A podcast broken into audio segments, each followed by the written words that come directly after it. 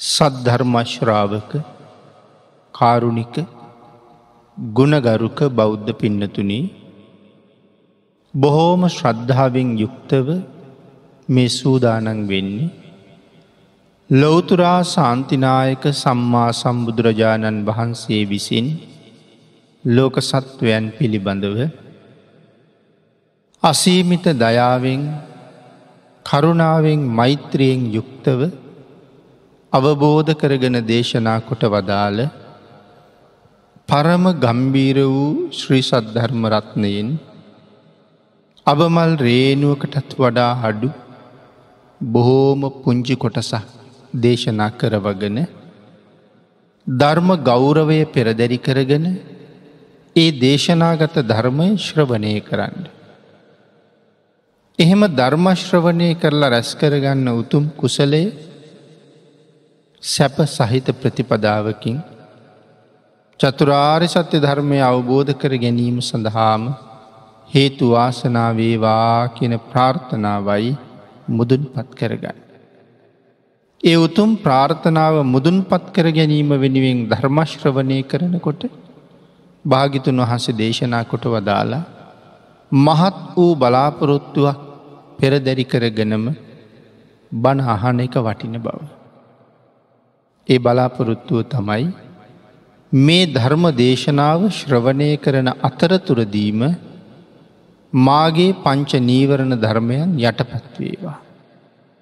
සප්ත බෝධ්‍යාංග ආදී ධර්මයන් වැඩී දියුණු වේවා. මේ දේශනාව අතරතුරදීම මට උතුම් වූ මාර්ගයක් පලයක් අවබෝධ වේවා කියන ප්‍රාර්ථනාවෙන්ම ධර්මශ්‍රවණය කරන එක වටින බව අනීවරණ සූත්‍රයේ දේශනා කොට වදාලි. අපි යාකාරයෙන් ධර්මශ්‍රවනය කරන්න උත්සාහ කරන. පිනතුරින් පරධාර කර්මය පැහැදිලි කරනුවට අපේ ශාසනයේ කාන්තාව විස්සක් පිළිබඳව දේශනා කරනවා. ස්ත්‍රීන් විසි දෙනෙ. එයින් අට දෙනෙක් එක්ක කාම සේවනය කළොත් පුරුෂයාට විතරක් අකුසල කර්මය සිද්ධ වෙනවා.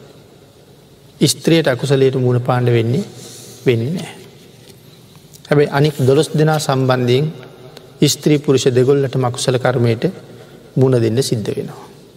එතන සඳහන් කරනවා මාතු රක්කිතා. අම්ම විසින් රකින ස්ත්‍රිය ලදරු කාලි තාත්ත නැති නිසා අම්ම තමයි දුව බලාගන්න. ඇයට කියනවා මාතුරක්කිතා මව රකින ස්ත්‍රිය.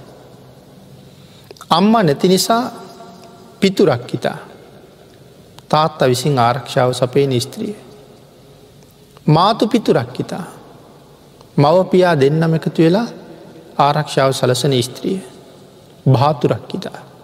අම්ම තාත්තා නැති නිසා වැඩිමහල් සහෝදරයා විසින් ආරක්ෂා කරන නැගනිය නැත්තන් වැඩිමහල් සහෝදරිය කෙසේ වෙතත් සහෝදරය තමයි ආරක්ෂා කරන්නේ.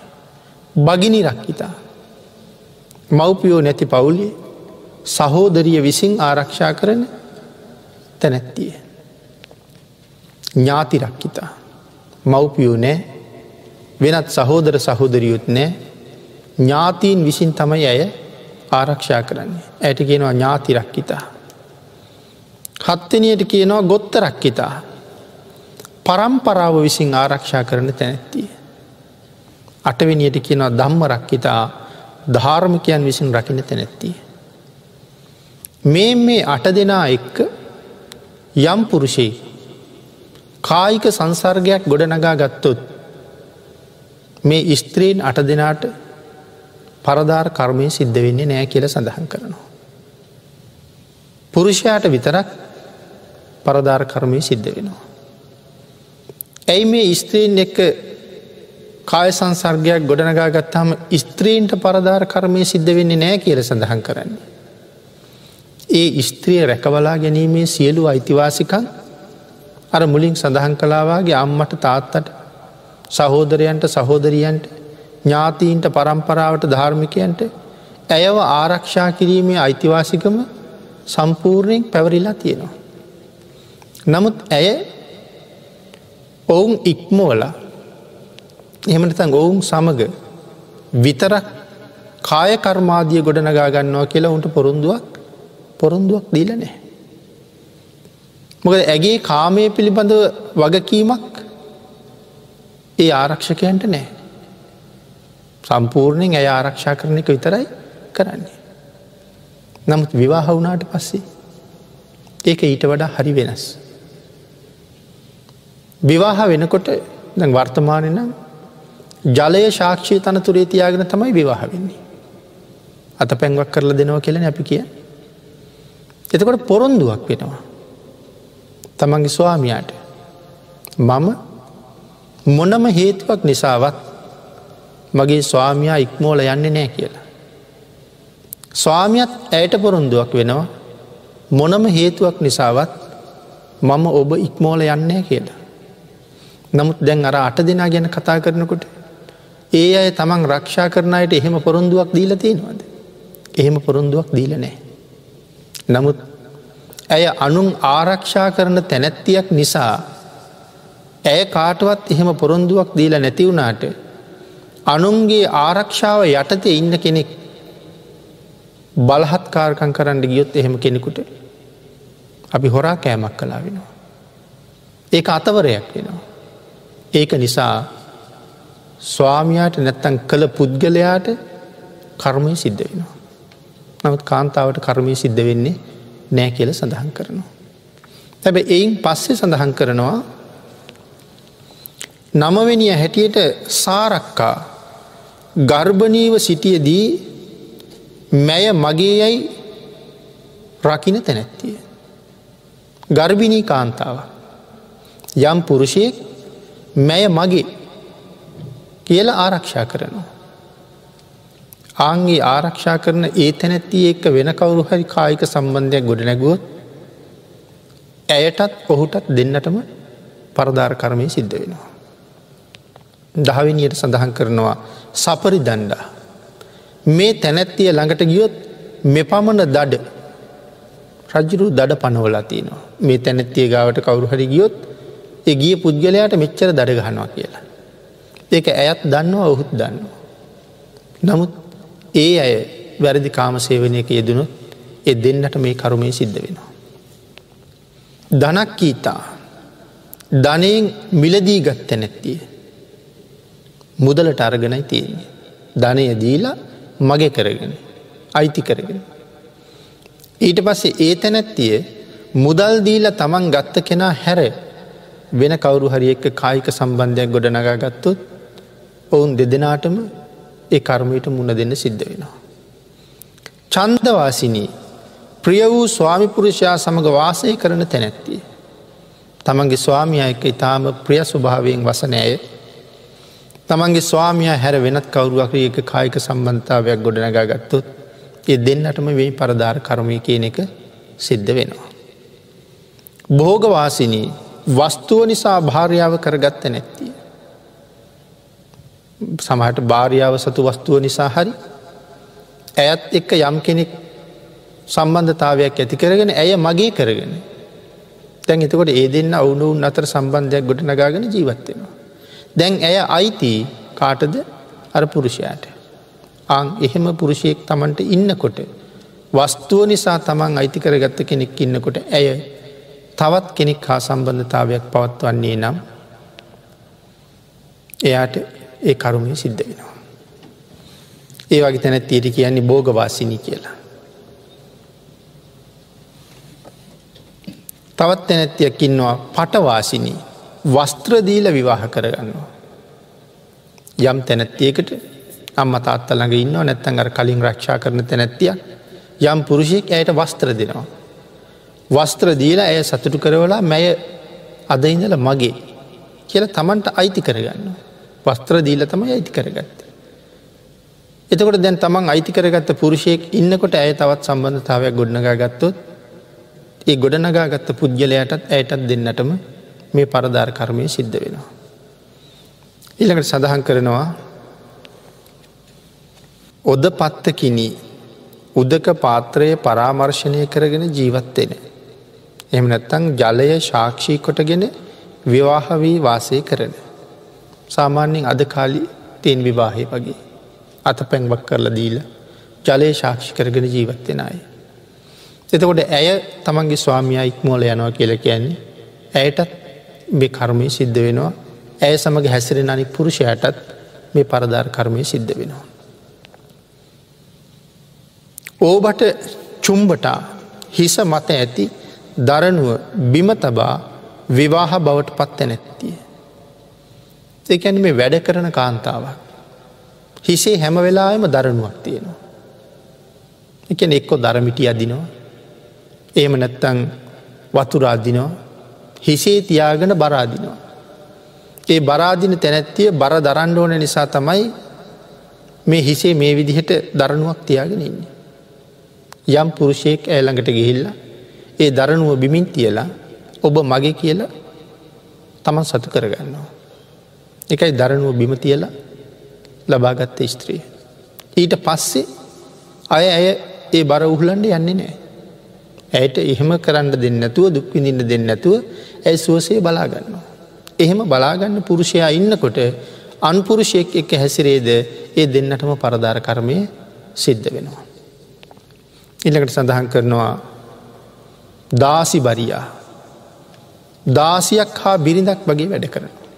ගෙදර දාසියවාගේ කටයුතු කරනවා. හැබැයි යම් පුරුෂයගේ බිරිඳ වෙලා ඉන්නවා. එන තමන් දාසියක් හා බිරිඳක්සේ යම් කෙනෙකුට සේවය කරමින් ඉන්නවා ඇය සමඟ යමික් කායික සම්බන්ධාවයක් ගොඩ නගනවන ඔවුන් දෙදෙනාටම පරධාර කර්මය සිද්ධ වෙනවා. කම්මකාරී කම්කරුවෙකු ලෙස හා බිරිඳක් ලෙස කටයුතු කරනවා. ඇයටත් තමන්ගේ ස්වාමිය ඉක්මවා ගිය හම මේ පරධාර කර්මයට මුණ දෙන්න සිද්ධ වෙනවා. දජා හටා යුද්ධයෙන් දිනල බලෙන් ගෙනැවිත් තම දේශයේ භාරියාව කරගන්නවා. යුද්ධයක් කරන ප්‍රදේශයක හිටපු කාන්තාව. බලෙන් තමයි අරං එවිල්ල තියෙන්නේ. ස්වදේශයට ගෙනල්ල තමන්ගේ කරගන්නවා. බලෙන් ගෙනල්ල හරි කොහොමරි දැන් තමන්ගේ කරගෙන ඉවරයි. ඇත් එක්ක වෙන කවරුවත් කායික සම්බන්ධාවයක් ගොඩ නගෙනවන එ දෙන්නටම පරදාර කර්මය සිද්ධ වෙනවා. අවසානක්කෙන පින්නතින මුහුත්තිකා මොහොත්තිකා කියල කියන්නේ මොහොතකට ගත් ස්ත්‍රිය. අපි සාමාන්‍ය වෛශ්‍යාව වගේ කියල කියන්නේ. ඇය අද දවසට තමන්ගාවට එන යම් පුරුෂයකින් අපි කියමු කහවනු දහසක් අය කරන. තැන් පුරුෂයෙක් උදේ ඇවිල්ල ඇයට කහවනු දහසක් දෙනවා. අද දවස ඔබ මගේ දවසේ වටිනාකම කහවනු දහසයි. එහෙම කියලා ඔහු වෙන ගමනක් යනවා. තැන් ඇය කල්පනා කරන මොහු තාමත් නෑ. ඒ නිසා ඇය තවත් පුරුෂයෙක් ඇසුරට යනවා මොකද තවත් කහවනු දහසක් ගණඩ පුළුවන්නේ. අර පුරුෂයා එනතුරු ආං එහෙම කටයුතු කළු ඇයත් ඇය සමඟ හැසුරණ පුද්ගලයත් දෙන්නම පරධාර කර්මයට ගොදුර වෙනවා. ඇයි එක පුද්ගලයෙක් කහවනු දහසක් දීලා ඇය වෙන් කරල තියෙන්නේ මොහොතකට දවසකට එනිසා මුහොත්තිකා. එතට මෙතන අපි කාරණා විස්සක් කතා කළා. ඒ විස්සෙන් පළවෙනි අට දෙනා එක්ක යම් පුරුෂයෙක් කායික සම්බන්ධතාවයක් ගොඩනගාගත්තොත් පුරුෂයාට පමණක් පරධාර කර්මය සිද්ධ වෙනවා ස්ත්‍රියයට සිද්ධ වෙන්නේ නෑ. අනිත් කතා කරපු ස්ත්‍රීන් දොළොස් දෙනායක යම් පුරුෂය කැසිරේ නම් ඔවුන් දෙදෙනාටම පරධාර කර්මය සිද්ධ වෙනවා. යමෙක් මේ පරධාර කර්මයෙන් වැලකිලා ජීවත්වෙනවා නම් ඔහුට හතුරු නෑ කියල සඳහන් කරනවා. හැමෝම අතර ගෞරවයාදරයට පාත්‍ර වෙනවා කියල සඳහන් කරනවා. ඊළඟට සඳහන් කරනවා බොහොම සැපසේ ජීවත්වෙනවා කියලා. නපුන්සක නොවෙනවා කියල සඳහන් කරනවා. දවේශ බහුල නොවෙනවා කියල සඳහන් කරනවා. ඉතාම ලස්සන මුහුණක් ඇති වෙනවා කියලා සඳහන් කරනවා පරධාර කර්මයෙන් වැලකුණයිට. සසර පින් කරලා බොහෝම ලස්සන මුහුණු සමඟ ඉපදිලා නමුත් මෙහෙම ලස්සන වනේ කොහොමද කියලා දන්නඇතුව සමහරලාට වර්තමානය එහෙමයි මෙවන් කර්ම වැඩියෙන් කරගන්න බව අපිට පේනවා. ධර්මය දන්නේ නැති නිසා කොයි තරන් අසරණ වෙලාද. එතකොට පිනතුන අපි සඳහන් කලා පළවෙනි අට දෙනා. මේ පළවෙනි කාන්තාව අට දෙනා එක්ක කායික ඇසුරක් පැවැත්තුවොත් පිරිමි කෙනාට විතරක් කර්මපතය සිද්ධ වෙනවා කියලා. එකන කාන්තාවට එතකොට කර්මයක් සිද්ධවෙන් නැද්ද කියල කෙනෙක් කල්පනා කළොත් ඇයටත් කරුම සිද්ධ වෙන්නේ නෑ කියල සඳහන් කරන්නේ. ඇයටත් කරුමයක් සිද්ධ වෙනවා. හැබැයි කර්ම පතයක් රවුම් වෙන්නේ නෑ. පුරුෂයා නිරේට යනවා. හැබැයි ඒ කාන්තාව නිරේට යනව කියල සඳහන් කරන්නේ නෑ. තවත් ඒ කර්මයත් එක්ක බැඳිච්ච වෙනත් වෙනත් දේවල් නිසා ඇයට නිරේට පාර හැදෙන්ට පුළුවන්. කර්ම පතේ රවුන් වෙන්නෑ කියන එකයි සඳහන් කරන්නට යෙදනේ. කර්ම පතේ රවුන්ුණේ නැතිවුණාට ඇයටත් බලපානතාව හුඟක් දේවල් තියෙනවා. මේ කරුණ හරි ගැඹුරුයි. මෙතනති පින්නතන එහෙමුණොත් සාකච්ඡා කරන්න වෙනවා මිත්‍ර ද්‍රෝහී කරමය කියන එක. මේ ලෝකෙ මිත්‍ර ද්‍රෝහී බව කියල කියන්නේ ඉතාම භයානක කුසලයක්. එමන අර කාන්තාවට අරවිදිහයට කර්මපතය රවුන් නූනට මිත්‍ර ද්‍රෝහී කර්මයට ලක්වෙනවා. මොකද තමන් ආරක්ෂා කරන අම්මට ද්‍රෝහි වෙලා. තාත්තට ද්‍රෝහි වෙලා. සහෝදරයට ද්‍රෝහි වෙලා. සහෝදරියට ද්‍රෝහි වෙලා. අම්ම තාත්තා දෙන්නටම ද්‍රෝහි වෙලා. තමන් ආරක්ෂා කරන ධාර්මිකයන්ට ද්‍රෝහි වෙලා. මේ ආදි වශයෙන් ඒ කර්මය දිගට දිගට බලපාණ්ඩ පටන්ගත්තාම. සංසාරය අපිට විපාක දෙනකොට සමහර කරුණක් නිසා. අපේ ඇගේ සමහර වෙලාවට ඔය සුදු කබරවාගේ රෝග හැදෙනවා. තව පිළිකාවාගේ රෝග හැදෙනවා. මේ දේවල්ලෝට මිත්ත ද්‍රෝහි කර්මය බලපාන. අපි ජීවිතය තරන් අපිට ආදරය කරමින් ආරක්ෂා කරන අම්මට තාත්තට ස්වාමයාට මේවාගේ අයට ද්‍රෝහි වුණහම ඒ කරුමේ තව ප්‍රතිඵලයක් හැටියට අපේ ශරීරයේ තියෙන මේ සයිල වර්ග පස්සෙ කාලික තවත් ප්‍රතිඵලයක් හැටියට අපිටම ද්‍රෝහි වෙනවා. අපේ සයිල අපිටම ද්‍රෝහි වෙනවා. එනිසාන පිළිකාවාගේ දේවල් හැදෙන්නේ වෙන කොහෙන්වත් ආවෙ නෑන්නේ. මගේ ඇගේම ප්‍රතික්‍රියාවක් නිසා වෙනස් වෙච්ච නිසා ඇතිවෙච්ච තත්ත්වය. සුදු කබරවාගේ රෝග හැදෙන්නේ මගේ ශරීරයේම තියෙන සයිල්ල මට විරුද්ධව ක්‍රියාත්මක වෙන්න ගත්තාම. මේවා මිත්‍රද්‍රෝහි කර්මයේ අවශේෂ ප්‍රතිඵල. එතුට භාගිතුන් වහසේ මේ කරුණු අපිට දේශනා කරලා තියෙන්නේ. යන්තන් නිරයෙන් විතරක් අපි බේරන්ටද. එලොව මෙලව දෙකෙන්ම අපි හැම්ම පැත්තෙම් ආරක්ෂා කරන්න ආං එහෙම ඒ කරුණ ගැඹුරින් දැනෙනකොට තමයි තේරෙන්නේ. බුදුරජාණන් වහන්සේ නම් මහා සත්පුරුෂයා මේ සත්වයාගේ ජීවිතයේ අග මුල දිගට හරහට කොච්චර බැලුවද කියලා. ඔවුන් සුරක්ෂිත කරන්න මේ තරං මහා කාරුණිකයන් වහන්සේ නමකට තරං මේ ලෝකෙ වෙන කාටද ශක්තිය තියෙන්නේ කියලා. පිනිතන දහම් කරුණු දැනෙන්ඩ දැනෙන්ඩ බුදුරජාණන් වහන්සේ ගැන ඇතිවෙන ශ්‍රද්ධාව අප්‍රමාණව අපේ හිතේ පිරෙන්ඩ පටන්ගන්න. ඒ සැදහැව නිසාම අපි කවදාවත් තුනුරුවන්ට එරෙහි නොවෙන පුද්ගලයෝ බවට පත්වෙනවා. ආංගේ ශ්‍රද්ධාව නිසාම අපට සිල්ගුණ ආරක්ෂා කරන්න හැම වෙලා හිතෙනවා ඇයි භාග්‍යතුන් වහන්සේ මේ කරුණු අපිට දේශනක් කළේ.